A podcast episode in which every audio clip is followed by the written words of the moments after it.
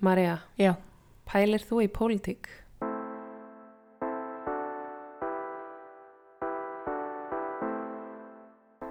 Áður en að þátturinn hefst þá langar okkur að þakka styrtraðalum þáttarins Cheeto Care og Playroom.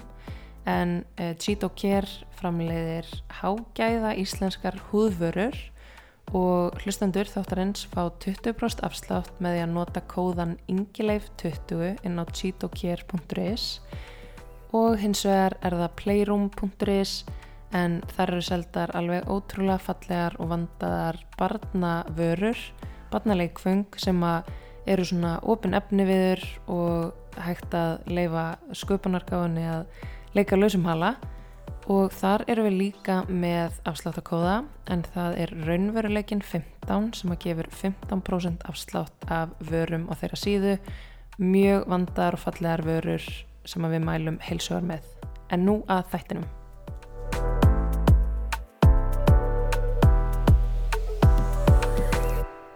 já, góður hlustendur. Gaman að heyra í ykkur aftur. í fyrsta sinni í svolítið langan tíma Já, við mistum úr einum þætti. eða sérst heil vika sem að kom ekki inn neitt þáttur Já. sorry með það Það eiginlega var svolítið þannig, ef við um að vera alveg bara heiðarlegar, að eiginlega á hverju einasta kvöldi var klukkan óvart orðin 12 eða eitthvað og við ekki búin að taka upp þátt. Eh, ég var að fara að halda hérna, að vinna að landstingi hjá viðreistflokknum sem ég vinn fyrir og þú að fullu í riff og svo hérna, þú veist, alveg upp tvö börn og hundurinn og, og þú veist, það voru þarna veikindi og alls konar inn á milli þannig að ég ætla ekki að afsaka of mikið en stundum er það bara þannig að maður hefur ekki alveg, næri ekki alveg andanum Já, þess að senustu svona þrjár, fjóra vikunar eiginlega hafa verið bara frekar styrlar á okkar heimili. Já, ég er svona eiginlega að sjá því í fyrsta skipti svona, þú veist almennilega í, í, nokkra vikur sko. Já, þetta er búið að vera ákveðið ástand. Já, ég er svona líst þessu svona þetta er svona ákveð bóðurhlaup sem er bara búið að eiga sér stað þegar ég kem heim ferð þú út og þegar þú kemur heim fer ég út Mm en gaman að sitja hérna með þér í dag Ingileif. eigin konu mín, kær. Hæ, En uh, við erum svona búin að bralla samt ímislegt á síðustu vikum uh, og ég veit ekki hvort að komi fram beint í þessu podcasti að ég sé búin að vera að vinna að RIF sem er svona uh, alþjóðlega kvikmynda á Reykjavík mm -hmm. og þú búin að vera náttúrulega inn í þingi og svo með svona smá hliðarverkefni, svona hugarfóstur emmitt sem að snýra einmitt að pólitík. Já, emitt, við hjónur erum kannski svolítið svona þannig týpur að við getum ekki bara fengið einhverja hugmyndir og haldið síðan bara áfram með lífið. Við svona uh, gungum alltaf aðeins lengra með þær sem að ég elska reyndar. Og hluta því er emitt þessi hlaðvarps, hlaðvarpsþáttur. En við sátum bara í róliheitum einhvern sunnudaginn fyrir hvaða tömu vikum. Mm -hmm. og vorum svolítið að pæla í pólitík og, og svona út frá bæði umræðinu í samfélaginu, þú veist, akkurat núna eh, en líka bara svona, þú veist, út í heimi, við erum að sjá eh, slægin á milli Trump og Biden núna, þú veist, það var hérna eh, Ruth Bader Gin- Ginsburg hérna var nýlátin þannig að það var svona rosalega hræringar í, í pólitíkinni bandaríkjunum og við vorum svona eitthvað að pæla. Og ég var svona að lýsa þeirri skoðun minni hvað mér finnist frústrerandi að fólk pældi ekki í pólitík. Og þá er ekki að segja að allir eigi endilega að vera allan daginn alltaf að pæla í, í pólitík. En svona þegar að fólk segist ekki hafa skoðun eða einhvern veginn svona kemur sér hjá því að mynda sér afstöðu af því á endanum búum við í líðræðisamfélagi og það er undir okkur öllum komið að taka þátt í kostningum og gera það verkum að hér séu starfandi stjórnvöld og það er bara í mínum huga mjög svona hættulegt þegar að fólk hættir að hafa skoðun.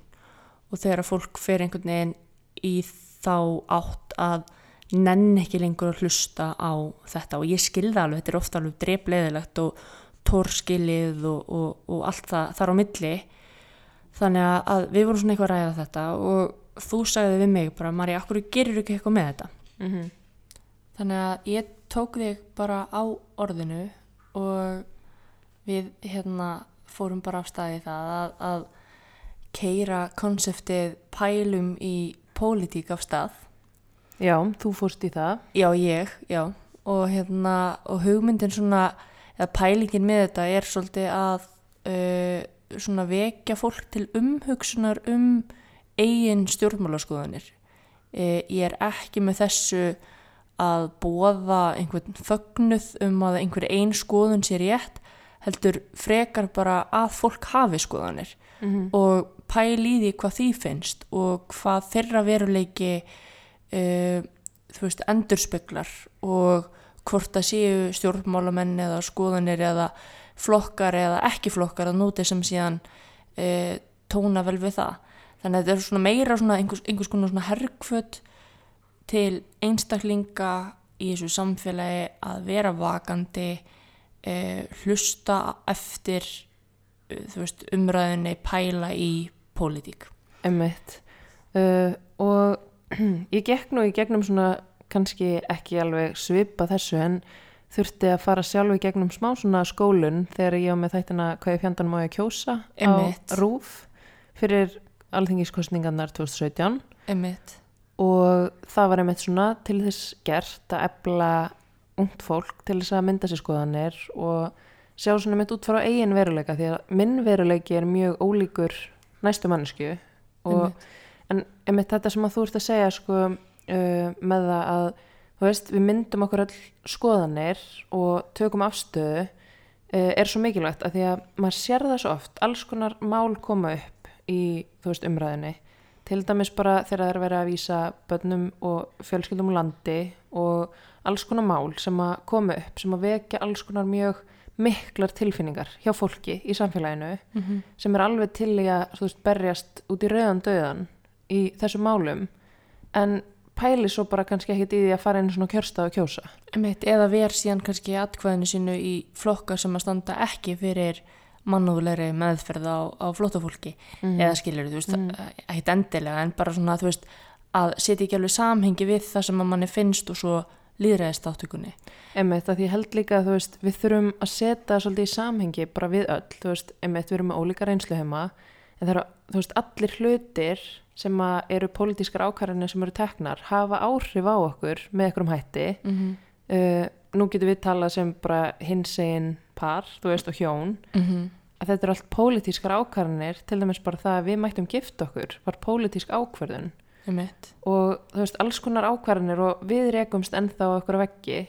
Og við getum ekki bara ætla að pöngast í því að, að vekja aðtikla okkur en ætla svo bara einhvern veginn ekkit að veist, setja okkur samt inn í pólitíkina á bakviða og þú veist, vera upplýstar um það hvað þetta þýðir fyrir okkur og hvað okkur langar það að kjósa eða hvert okkur langar að leggja okkar málefnum lið. Einmitt. En svona talandum, þú veist, rætur og hérna hvernig maður er alveg upp, þá er ég sko alveg upp á mjög pólitísku, sko, kannski ekki pólitísku heimili.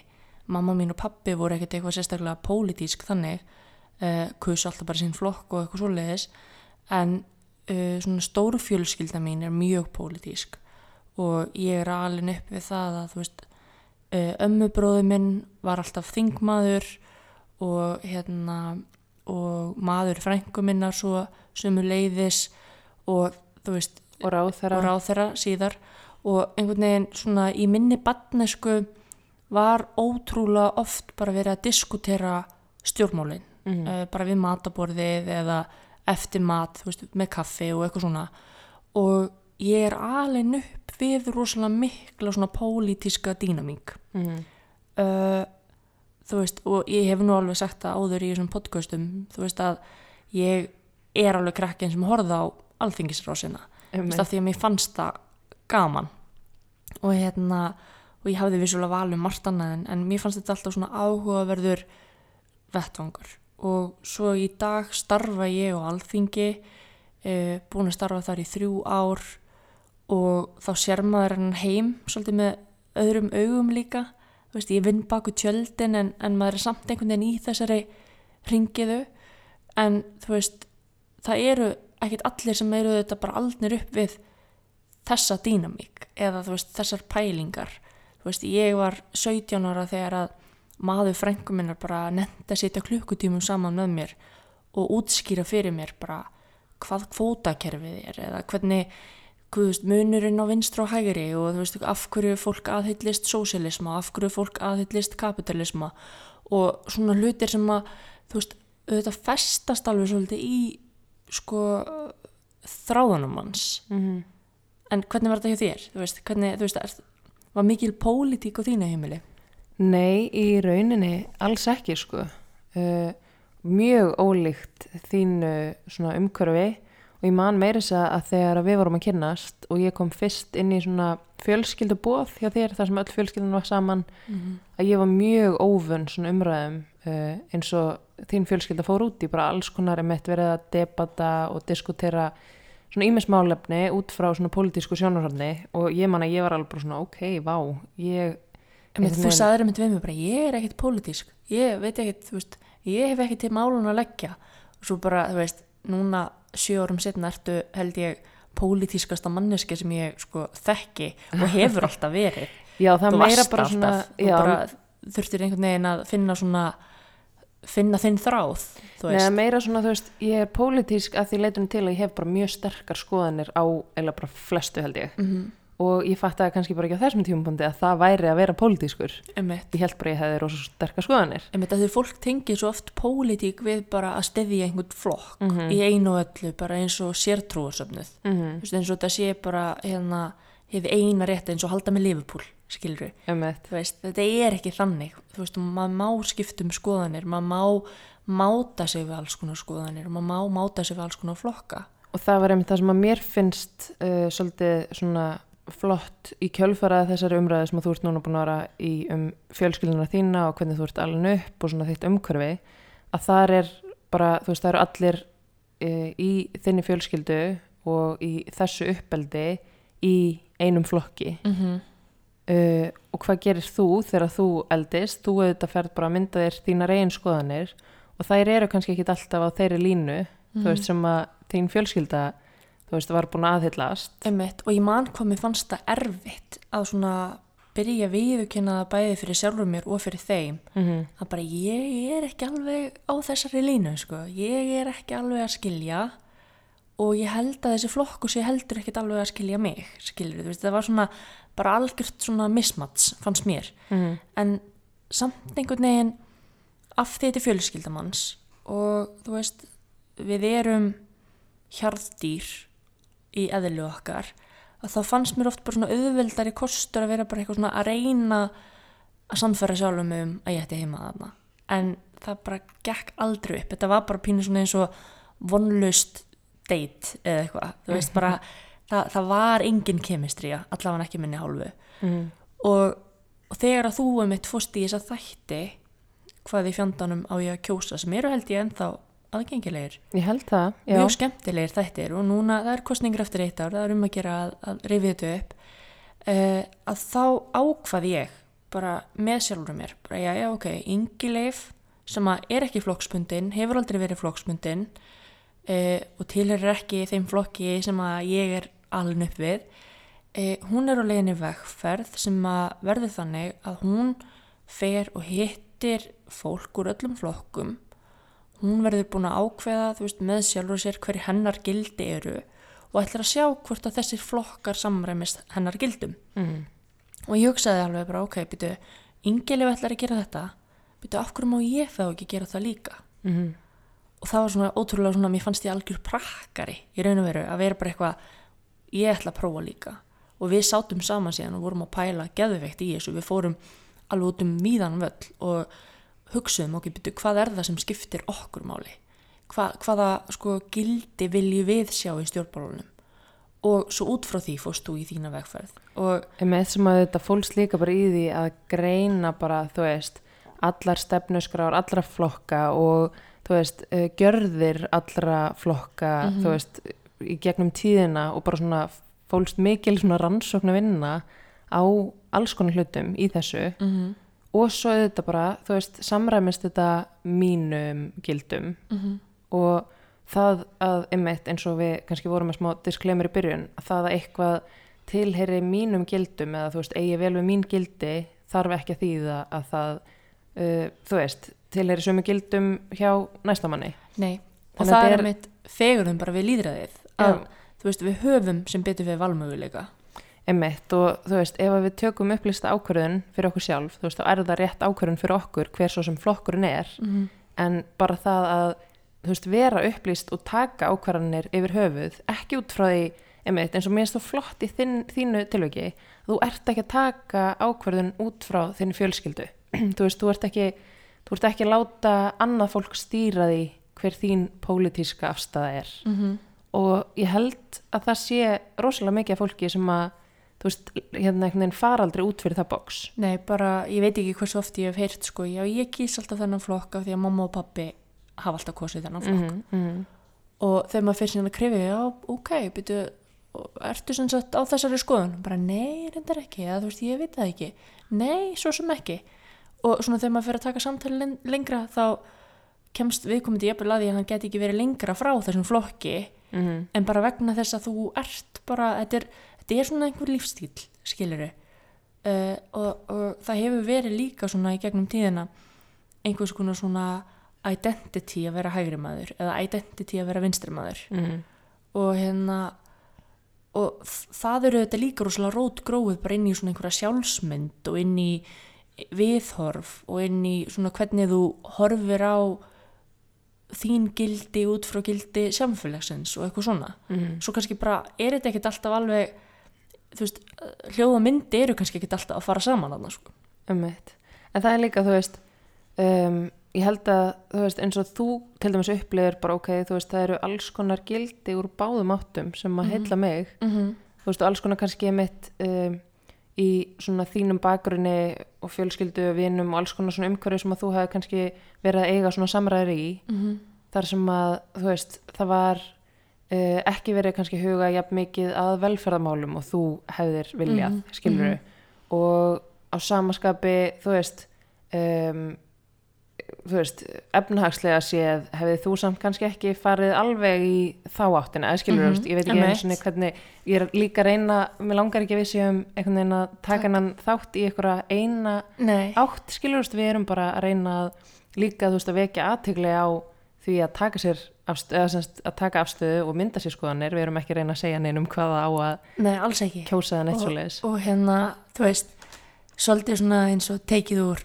ráþæranum sko, sem að er nýji þátturinn á rúf að þú veist hann er að segja þannig í fyrsta þettinum bara kjósiði, ég vil bara 90% hérna þáttöku mm -hmm. þú veist, það er pínu samt málið sko, þú veist, að við tökum þátt að líðræði virki að þetta sé ekki bara þannig að hérna ákveðin hópur sem mætir á kjörstað hefur úrslita áhrif á það hvernig stjórnskipanin er hér í landi. Umveit. og við höfum séð þetta gerast. Hundurinn lappar hennum, þetta er bara náttúrulegt. Já, þið verður bara afsakað trítliðina, þetta er erum bara sko- Míló. búin að reyna að taka upp í allt kvöld en hann hættir ekki en við bara ákveðum að hafa svona fallið hljóð með. En allavega eins og gerist Nú ætlar hann að drekka held ég. Já, þið bara afsakið þessi bakgrunnsljóð. já, já. en eins og gerðist til dæmis í, í hérna Brexit Mhm. þú veist, þegar að breytar eru að ákveða það hvort að þeir eru að ganga úr Evrópusambandiru eða ekki þá er það þannig að ungt fólk mætti ekki kjörstað að mætti minna á kjörstað Það er svo astanlegt að hlusta á þetta hljóð. en já, ok, held áfram. Ungt fólk mætti ekki á kjörstað. Já, þannig að í raun og veru var ákveðin hópur þjóðfélagsins að taka ákveðin um það að Bretland myndi yfirgefa Evropasabati og það er pólitísk ákvörðun sem mun hafa rosaleg áhrif á lífsgæði margra ungara einstaklinga af því að það sem að það þýðir er að þau geta þá ekki búið hvar sem er í Evrópu án þess að fá bara að vísa. Þau geta ekki menta sig hvar sem er í Evrópu lengur. Þau geta ekki stunda viðskipti hvar sem er í Evrópu. Og dyrnar að Evrópu eru lokaðar verða lokaðar nema að það verði gerðir einhverju sérstakki samningar. Þannig að þú veist þarna er dæmi um það þegar að ungt fólk bara mætti ekki, tók ekki afstöðu og færði það síðan beint í fangið. Já, því að skoðanakannunum voru líka búin að sína að ungt fólk var með mjög skýra afstöðana, það vildi ekki ganga úr sambandinu, þú veist. Nei. Og þetta er náttúrulega líka það sem hefur gerst til dæmis bara í bandaríkjunum. Mm -hmm. Þú veist, ef að kostningaþáttaka hefði verið meiri hjá ungu fólki þá efast ég um að uh, Trump hefði orðið fósiti, þú veist. Þannig að það er alveg einhvern veginn, þú veist, maður getur svo mikið nexla sig á ákveðnum hlutum eftir á en þá verður maður að vera tilbúin að mæta á staðin og þú veist, kjósa þá sem að maður, þú veist, treystir fyrir þessum málum. Einmitt, það er ekki nóga að vera einmitt bara rosalega nexlaður. Maður hefur uh, ákveð bara ákveðin verkfæri í höndunum sem heitir atkvæði.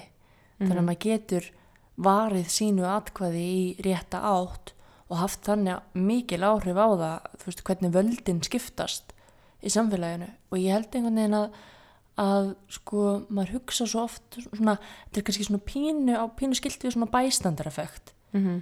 uh, fyrir þá sem ekki vita bæstandareffekt í sjálfræðin er það að maður hefur einhvern veginn þessa tilneyingu þegar maður kemur að einhverju slísi eða maður sér að eitthvað, eitthvað slæmt er að gerast og þú hugsar að það er einhver annar sem að hérna tæklar þetta. Það er einhver annar sem passar upp á þetta. Og þetta, hefur verið mjög rannsakað og þá voru gerðar svona tilraunir í mann eftir einu hérna, svona sem var sett upp uh, í New York minni mig þar sem að kona lá á jörðinni. Þú veist, hérna, eins og hún hefði hérna, lendi í einhver árás. Og það var bara ótrúlega margi sem bara löpuðu framhjá af því að það hugsaði alltaf það hugsaði allir það lítur einhver að vera búin að ringa í sjúkrabíl. Mm. Og hérna, ég er ekki að fara alveg rétt með þetta held ég að þetta er, þú veist, tíu ára minni sko, en, en þú veist bottom line er, ég held að sé rosalega algengt að fólk hugsaður sko þetta er allt ræðilegt, en það er einhver annar sem passar, passar upp á þessi maður eða þessi kona verði ekki kosin Mm. og maður getur ekki hugsað þannig af því að það er ekki endilega vist að svo verði Ummitt. Og svo líka, þú veist, held ég að mörgum finnist það líka pínu erfitt að, þú veist, það er ekki hægt að bara pikka út, já, mér líst vel á þennan úr þessum flokki og Mhm. hinn úr, úr hinnum flokkinum. um mitt, Þú veist, þú verður svolítið bara að setja atkvæðið þitt á eitt flokk alltaf þegar þú kýst um mitt sem að ég veit, þú veist, það er fullt af fólki sem að finnst það bara mjög erfitt mm -hmm. af því að það er fullt af góðu fólki í öllum flokkum en svo finnst manni kannski ekkit allir vera frábærir, nei, skilur þú veist eða sömur sem eru með ákveðna stefnu sem er fín en þú veist ákveðin hluti af einhverjum flokki og svo restan, restan flokknum með bara allt aðra skoðun.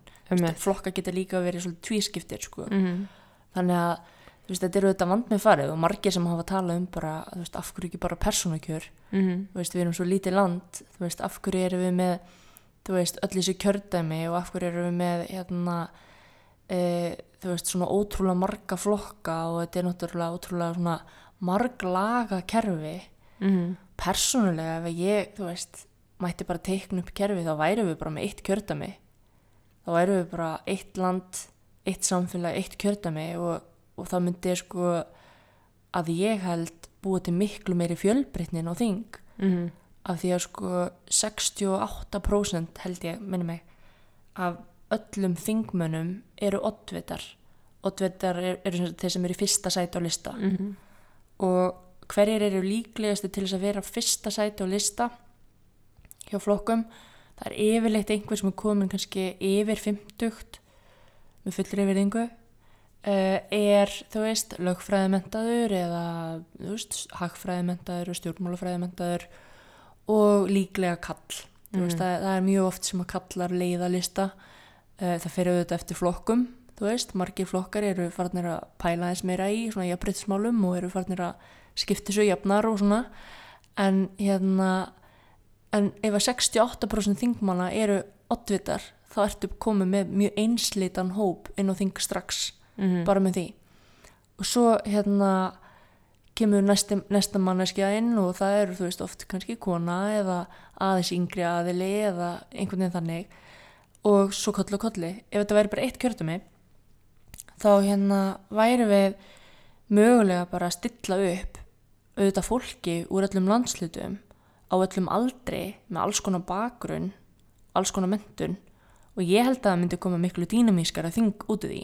En þetta er auðvitað veist, hugmynd sem er alveg bara veist, ég, ég veit ekkert hvort að það verði einhvern tímann af því.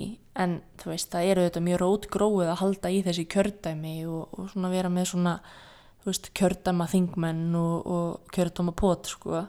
En svo er líka, til dæmis eins og er gert upp í háskóla, þú veist, það sem er kosið, það eru kosna fylkingar mm -hmm. sem bjóðu fram, sem eru yfirleitt bara vaka og röskva, Mm uh, en fyrir ekki svo mörgum árum, þá fór það að vera þannig að þú þurftir ekki að kjósa bara annarkvort, heldur gastu í rauninni kosið uh, ákveðna aðila af öðrum listanum og einhver af hinnum á móti.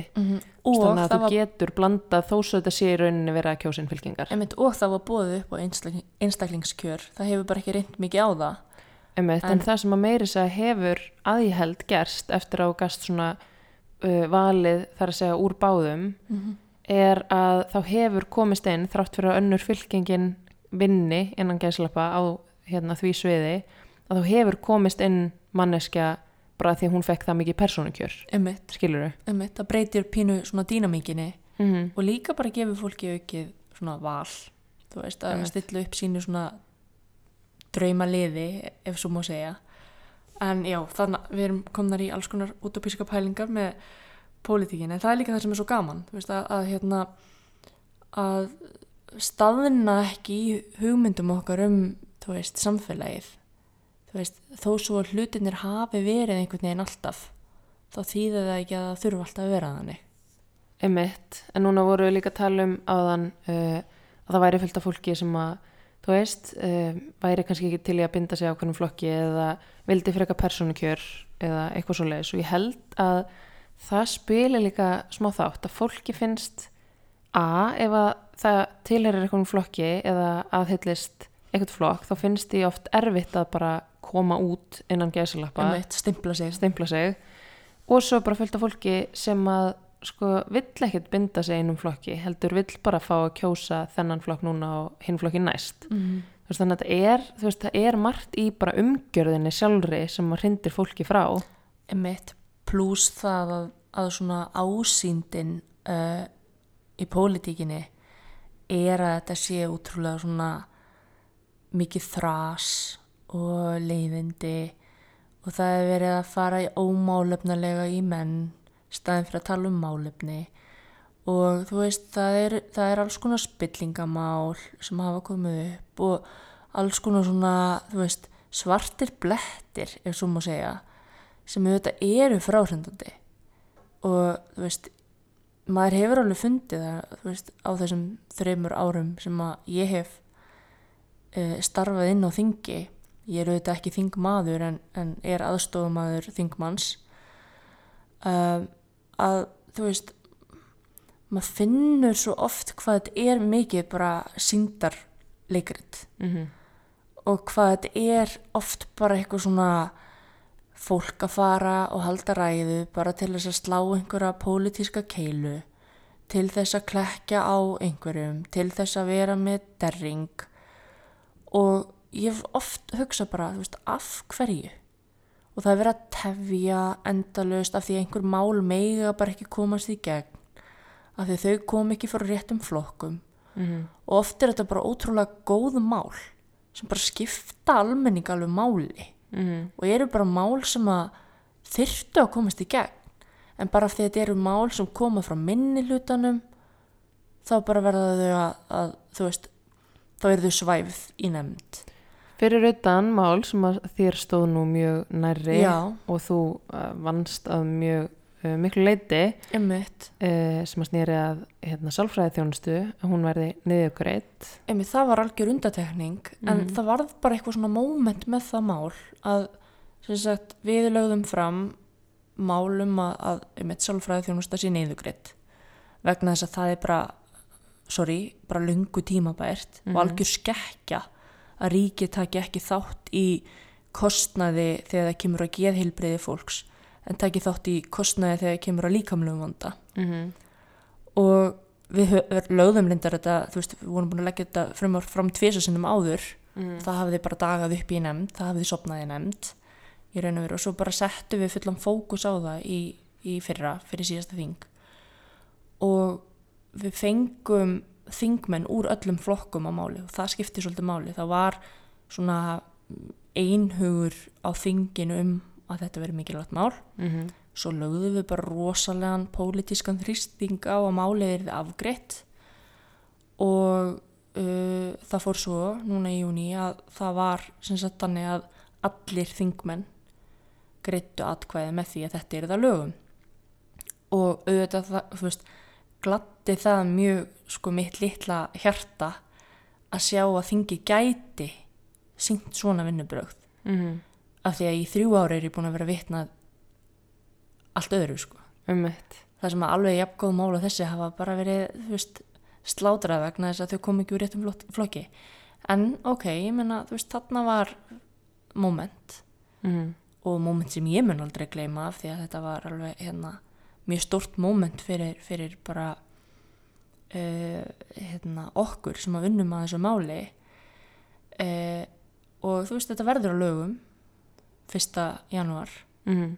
2021 en það sem var áhugavert samt sko að daginn eftir var strax einhvern veginn farið að við fengið að hvort að veist, það væri ekki peningur til í þetta og eitthvað þú veist, að því að það þurfti að slá aðeins á þetta þetta var Mm. aðeins of gott mál Þannig er þú líka komið með svolítið svona uh, að því vorum aðeins að tala um svona þinn bakgrunn og svona pólitíst uppeldi og svona mm. að þetta er til dæmis mál sem er svo sem ekki sko, þetta er ekki ekta hægri mál til dæmis. Nei, nei, en sko ég skil samt ekki pælinguna með veist, þegar það kemur að velferð. Mm af því að sko velferð kostar.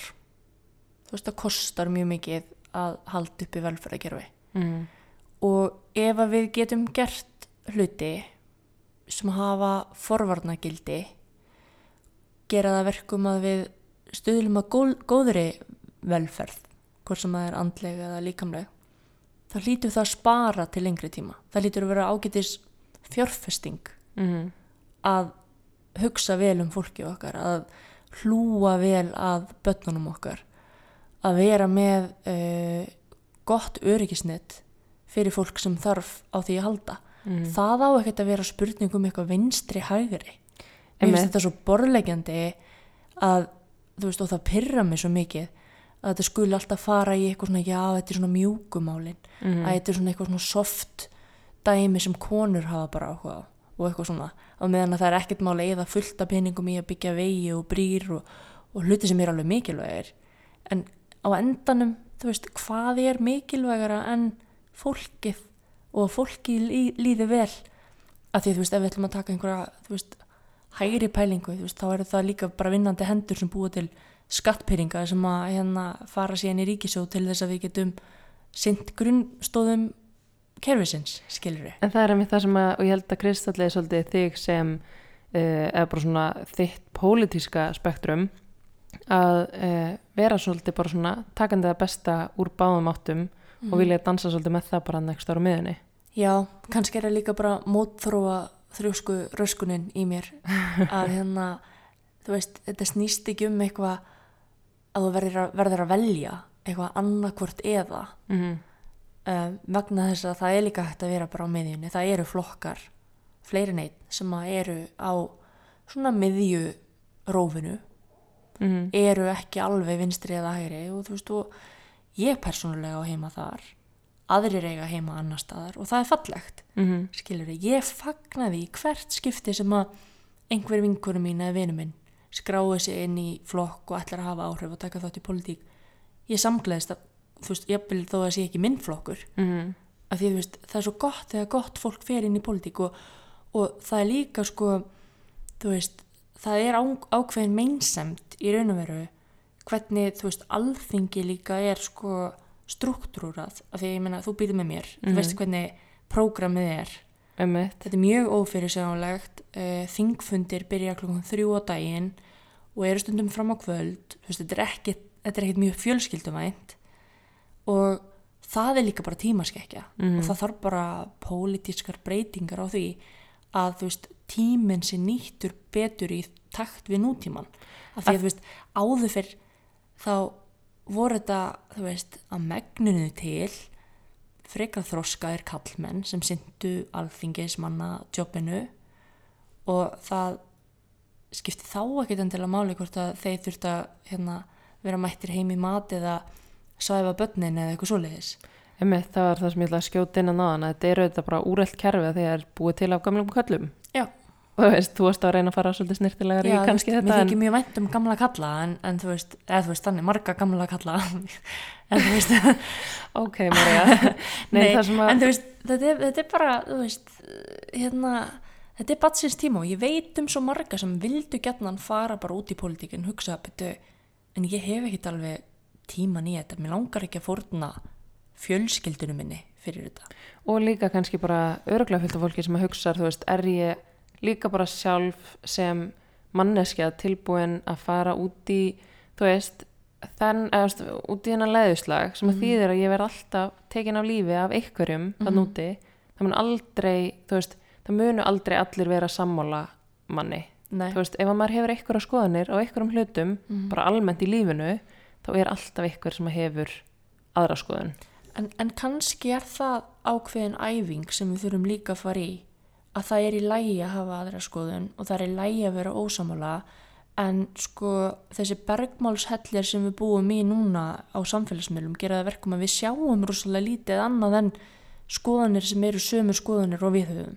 Mm. Það er bara rítstýrt, það eru bara einhverjir algoritmar sem að sjá til þess að mín veröld er rosalega einsleit Mm. þannig að við, okkur er ekkert mikið augrað og þess vegna sko maður sér alveg svolítið svona heiftina og maður sér þess að gjá vera svolítið að myndast núna að það er einhvern veginn það er svona einhver stemming í gangi að ef þú hefur aðra skoðun þá er hún vond Mm.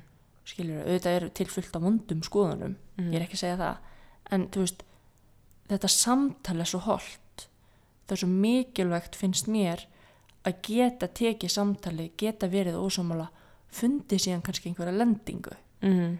en ef við leifum okkur aldrei að fara einu sinni inn í þá æfingu þá finnum við aldrei lendinguna. Þá förum við alltaf bara fjær og fjær hvort öðru. Mm. og önnur ástæði fyrir okkur ég byrjaði með pælum í pólitík sem er svona bara eitthvað konstið, ég veit ekkert hversu lengi endist í þessu, ég hef nú ekki mikinn svona ég, ég er ekki mjög þólumóð manneski og mér finnst pínu föndur að gera þetta en allt í lagi. Sjáum til. Uh, að hinn ástæði fyrir því er að sko ég hef raunverulegar áhyggjur af því að sko við í þessu litla samfélagi okkar sem hægt að skilja hvort annað Mm. Uh, ég finn það bara svona á fólki sem er mér mjög ósamála pólitíst uh, mögulega svolítið eldra en ég bara upplifði aðra tíma að það klóra sér alveg í kollinum yfir sko réttrúnaðanum sem er í gangi hjá okkur og, og heilagleikanum og allt þetta sko. Mm. og skilur ekkert í því af hverju Ísland er að þróast í þá átt að verða svona, þú veist, aðeins fjölþjóðlegra og, og hérna opnara og, og alþjóðasinnaðra og alls konar svona. Og þarna þú veist, ég hef alveg áhyggjur af þessu. Ég hef alveg svona raunverulegar áhyggjur af því að við endum á því að geta bara ekki tala saman og maður sér þetta að vera að gerast í bandaríkjanum gjáin þar er orðin svakaleg. Mm. og þú veist endar náttúrulega bara eins og í, í vor ég meina í Black Lives Matter hérna sko mótmæla öldunni í bandaríkjanum það endar á því þú veist að Trump fer með bara herin á fólk. Mm. en þarna voru bara, þarna voru einstaklingar tjá skoðanir. Þú veist, þannig að þetta er líka, þú veist, ég hef alveg sagt það oft í þessum þáttum, þetta er náttúrulega mantra sem að ég held bara áfram að tala um þú veist, að, að, að mannréttindi falla ekki að himnum ofan, uh, réttindi einstaklinga falla ekki að himnum ofan uh, sangjöld málsmeðferði eða, eða bara sangjöld samfélag uh, opið samfélag, það er ekkert sjálfgefið. Þannig að að ég reyna allavega að hlusta á fólk sem að ég er innilega ósamála Mm. ég, ég, ég læt mig hafa það að þú veist hlusta og skinja og af því að ég tala svo oft um þú veist að rætunar að skilja og byrju hvaðan er manneskjan að koma með þetta? Er þetta kannski bara ótti? Mm. er þetta fordómar, er þetta ótti? Er þetta kannski bara annar veruleiki? Þú veist, fólk hefur reynd annað en ég Mhm. og svo framvegis, kemur frá öðrum stöðum uh, hérna úr þessu samfélagi, bara öðrum landslutum eitthvað, Mm. veist að því að ég, ég verð að halda í þá þann þráð að fólk sé eðli sínu hérna, vilji vel veist að það er einhvern veginn það er svona síðasta haldripi sem að maður hefur einhvern veginn En svo er einmitt svo erfitt að því við erum að tala um, þú veist, uh, á samfélagsmiðlum, þú veist, líka eins og inn á Twitter, þetta er kannski mest ábyrjandi inn á Twitter, Mhm. það er svolítið mikið bara svona, þú veist, þar er bara ákveðin skoðun sem er rétt hverju sinni, sem að ég er bara oft og yfirleitt sammála, þú veist, en það er alveg hópur á það sem er ekkit sammálaði og það verður einmitt aldrei þetta samtala eins og þú ert að segja. Og ég fekk svona, þú veist, ég gat ekki meira inn á Twitter og ég hætti á Twitter að því að mér fannst bara að þetta var orðið kvíðavaldandi fyrir mig hvað það var líka mikið oft ljótt verið að segja um fólk sem var annarar skoðunar. Mhm. og það er mitt fyrir að myndast þetta hættulega svæði þar sem að þú veist við erum ekki lengur að debata skoðanir heldur eru við bara að stimpla alla sem er ekki að sömu skoðun og við sem vonda einstaklinga Mhm. og það er ótrúlega hættulegt og þetta gengur auðvitað í báðar áttir líka bara þú veist, mér finnst mjög sorglegt að sjá til dæmis þegar ungar konur fara í pólitík eru bara raunverulega með flott mál samúr hvaða flokkum þær koma að þær fá alltaf samt þú veist, það er alveg bara ávísun á það að þær fá í kommentarkerfum eitthvað staðar bara hvað er þessi litla stelpa að vilja upp á dekk og Mhm. þú veist, vá, hérna þú veist, æ, þessi leiðinda komment sem að maður sér í hvert einasta sinn sem einhver flott ungkona hefur rödd, þú veist, pólitíst það er alltaf, þú veist, það er tekið einmitt bara aldur, það er tekið bara, þú veist, að nota einmitt, já, bara einmitt, þú veist, við höfum séð þetta bara alveg 100% og það er einhvern veginn alls konar dreigið inn í myndina sem á bara ekkert skilt við pólitík, mm. skilur og maður sér þetta ekki gerast með kallmenn nú er ég kannski komin út í svolítið allt aðra umræðu bara svona kynja umræðu en mér finnst þetta samt uh, bara mjög áhugavert. Og þess vegna þú veist, hefur þú kannski líka verið í ákveðnum svona uh, já, ákveðnum svona bara hugsana flækjugangi síðustu uh, svona missurinn, bara ok, þú veist, er þetta vettvangur sem að þið langar raunverulega að fara út í, þú veist, er þetta eitthvað sem þú ert tilbúin að, þú veist, bara segja ok, þú veist, ég er tilbúin að taka þessu, veist, og láta þetta yfir mig ganga af því að mér finnst það skipta máli og ég, ég hef uh, alls konar fram að færa sem ég held að geti hjálpað. Þú veist, að þetta þarf að vera svolítið, það þarf að vera svolítið meðutu ákvörðum, þú ferð ekkit inn á þingi ykkur gríni, skilur. Nei og hérna aftur þú veist það er ákveðin luxus að vinna bak við tjöldin sko Mhm. þú veist af því að maður fær veist, við sem erum haldin þessum sjúkdómi í raun og veru að, hugsa ekki um annað en pólitík sem er mjög jákvæður sjúkdómur á mínum mati en, en allt í lagi uh, veist þetta eru þetta hérna ótrúlega sko rugglaður veruleiki Mm. og hérna þú veist ég vinn með konu sem er búin að vera á þingi í næstu í 20 ár meir og minna Mm. Og hefur reynd ótrúlega hluti og hefur hérna tekist á við sko rosalega tíma. Og maður hefur séð svo oft hvað er farið í bara ógæðslega bara svona lágkúru. Mm. bara til þess að ná einhverju pólitísku höggi og ég heldur mynd bara konur þar eru bara teknar fyrir öðruvísi. Röddin þeirra það er alveg algengt bara í þólíkja röddin á þessari konu uh, þær eru, þú veist ef þeir eru ákveðnar þá eru- þar frekjur þú veist, ef þeir eru hérna, þú veist svona þá eru þar hinsinn, þú veist, það, það er bara endalust Mm. uh, fólk er endalust til í hafa skoðan og þar eru konur ekkert skári en kallar sko. Þú veist, það er alveg það er alveg, alveg ég hef alveg heyrt að þannig þú veist, að, að hérna orðið vitna því Mm. en, en svo kannski þú veist ég veit það ekki þarf þetta endilega að vera veruleikin Mm. Emmett, og er það hægt að breyta þessu? Ég veit það ekki, kannski er það bara næft að vona það að stjórnmál fari meira snúast um hugmyndir og málefni sem að gera gagn fyrir samfélagið en ekki bara, þú veist hver það er sem segir það eða hvort það hennar sé byrjandi, sko Emmett og mér finnst þetta svolítið trikki að því að þetta á líka við um sko bara almennt fólk í samfélaginu sem að þú veist, verður ábyrrandi þú veist, nær ykkur um árangri, ykkur um geira. Mhm. þú veist, auðvitað við að tala um pólitík hér og það er kannski mest viðegandi þar að því að þetta er fólk sem að tekur ákvarðanir sem að hafa með okkur öll að gera. En líka bara með fólk, þú veist, í listum eða, þú veist, hennum ymsu geirum viðskiptalífinu. Já, sem að verða eitthvað svona þekkt nöfn að það er bara ávísun á það að, þú veist, þurfa bara að brynja sig upp að því að fólk mun hrauna yfir þig og mér finnst það ekki eitthvað sorglegt sko, að því að þú veist, þetta, þú veist, þetta þetta er allt manneskjur þannig einstinni, sko Mhm. þú veist, sama hvort maður sé ósamála því sem það gerir sama er með þó svo að manni finnist viðkomandi með, vera með pyrrandi rödd eða líta út á pyrrandi hátt eða syngja illa eða vera lélögu leikari eða þú veist, uh, vera lélögu ræðumæður eða taka vittlusar ákvarðanir eða hvað það er þú veist, mér finnst bara almennt sama hvað, þú veist, ég get verið svo ósamála ykkur og mér get, getur fundist viðkomandi vera, þú veist, glötu típa en af hverju þarf þetta alltaf að fara í þú veist, af hverju þarf þetta að fara í þessar upprópanir og svo þú veist, vera útuða fólki af því að þú skilur það ekki eða þú ert ekki sammálaði. Emmett. Ég er alveg bara svona vel þreytt á þessu og við tölum alltaf um þetta í fyrirlesturum þegar við förum hinsæðilegan að þú veist, það skiptir ekkit máli hvað næsta manneski er að gera.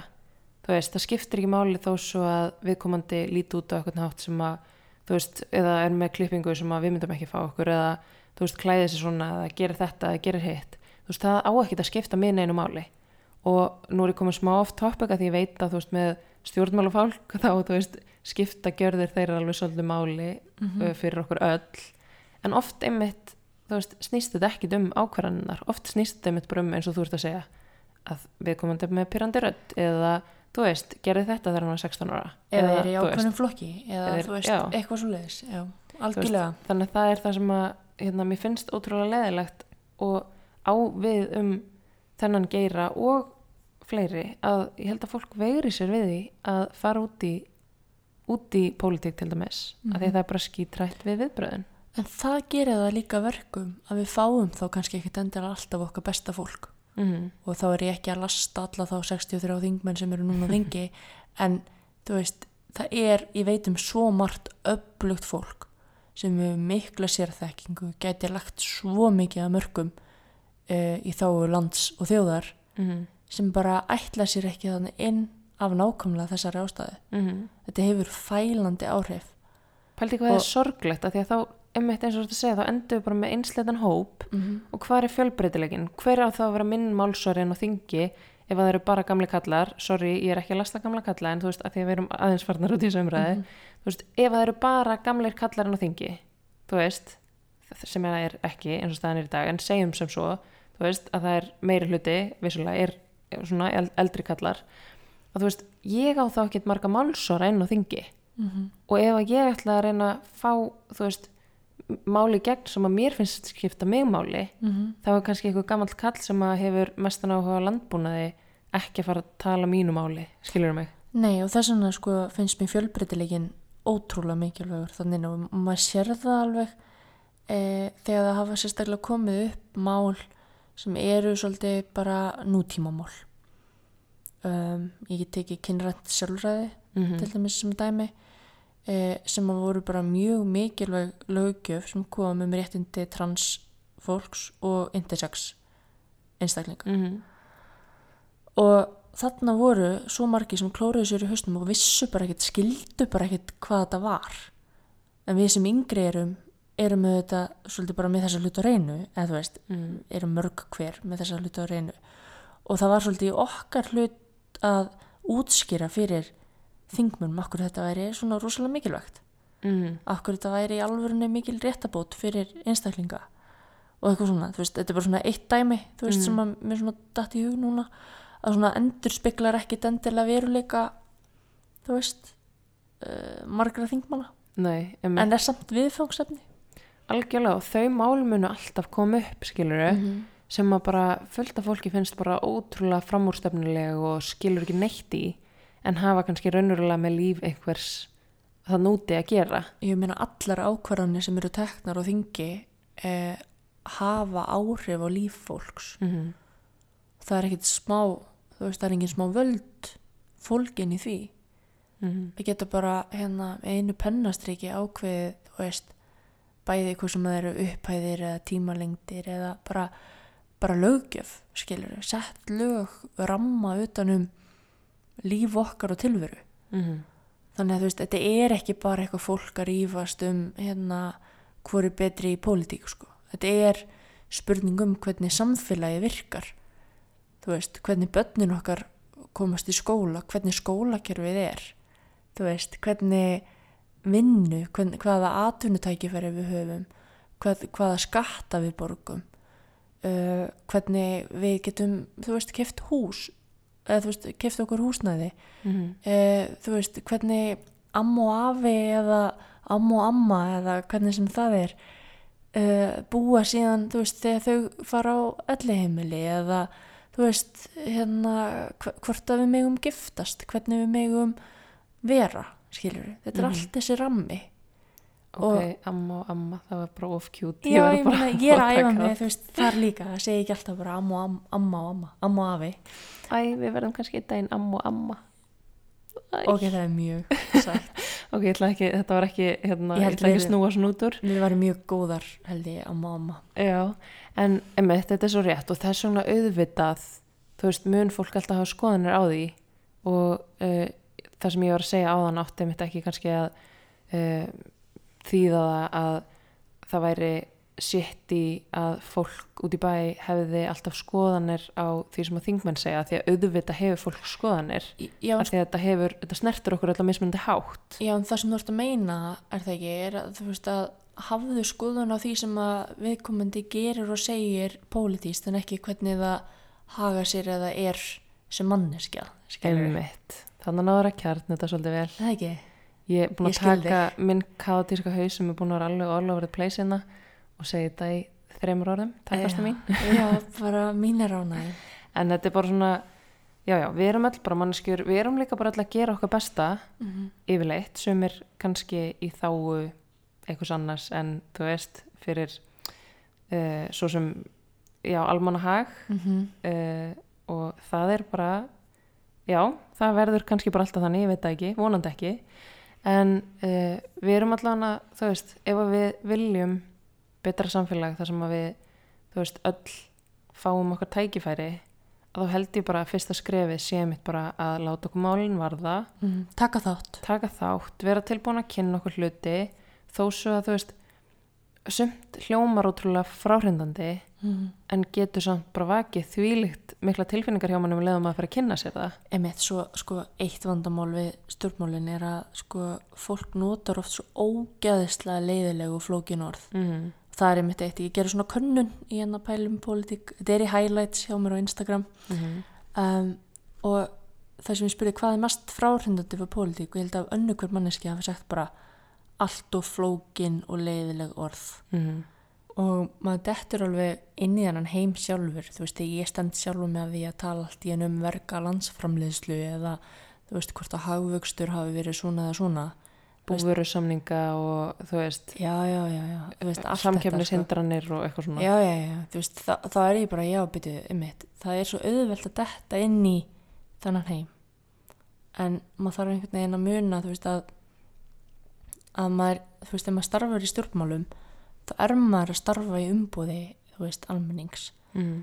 og hérna og þú veist, það þarf ekki að vera svona mikil gjá á milli einhvern veginn Einmitt. það þarf kannski bara að tala um hlutina á mannamáli já, sem er sko miklu flóknar oft en maður gerir sér grinn fyrir þú varst að reyna að útskýra vinstri hægri hérna senasta já, inn á. Instagram hjá þér og það er einmitt bara ótrúlega flókið ofta að reyna að útskýra veist, hugtök án þess að nota svona stór orð sem að kannski margir eiga erfitt með að skilja einmitt. og ég seti þetta kannski smá núna í haustum á mér í samengi við að, að uh, vera í lögfræði einmitt. og þú veist lögfræðingar uh, þegar ég byrjaði í lögfræði í HÍ þá, ég, þú veist, ég satt fyrsta tíma minn og ég bara, þú veist, ég skil ekki eitt orð sko einmitt. mér fannst ég bara vera stíðin inn í einhvern hlýðar veruleika þar sem ég bara var gjörsamlega út á túnni og veginn bara svona, þú veist með dögunum og vikunum þá auðvitað komið allt saman og þá fór þetta að verða bara svona imprinta inn í kerfið manns Mhm. og allt í einu var ég einhvern veginn bara farin að tala á allt annan hátt heldur en ég hefði nokkuð tíman uh, þegar ég byrjaði geta ímynda mér einmitt, farin að fleia í orðin svo spildur og, og eitthvað svona eitthvað lex superior og eitthvað. Var spildað eina sem þetta ætti í hug. Já það er mjög fyndið já, en líka bara eitthvað svona, já eins og sjáum að í annari málskrein, þriðu greinar uh, laga 216 eða skilur Já, já, alls konar eitthvað svona Þetta er tungutak. Já, sem er alveg hérna fyrir utanakomandi oft mjög undarlegt. Mm -hmm. uh, en sama hjá þér, þú veist, þú ert kannski dottin inn í bara svona ákveðin talsmáta sem að þú fattar ekki eins og að sé oft pínu alien fyrir fólki sem er utanakomandi einmitt, og það er svolítið hlutverkið. Þú veist að reyna að, að gera þetta meira mennst það, það er minn draumur og pólitíkin sé mennskari og hún sé skemmtilegri og hún sé dýnamísk og sé eitthvað sem við tökum þátt í. Og, og einmitt, þú veist, talandum þú veist, raunveruleikan af hverju erum við að tala um þetta hér? Mm -hmm.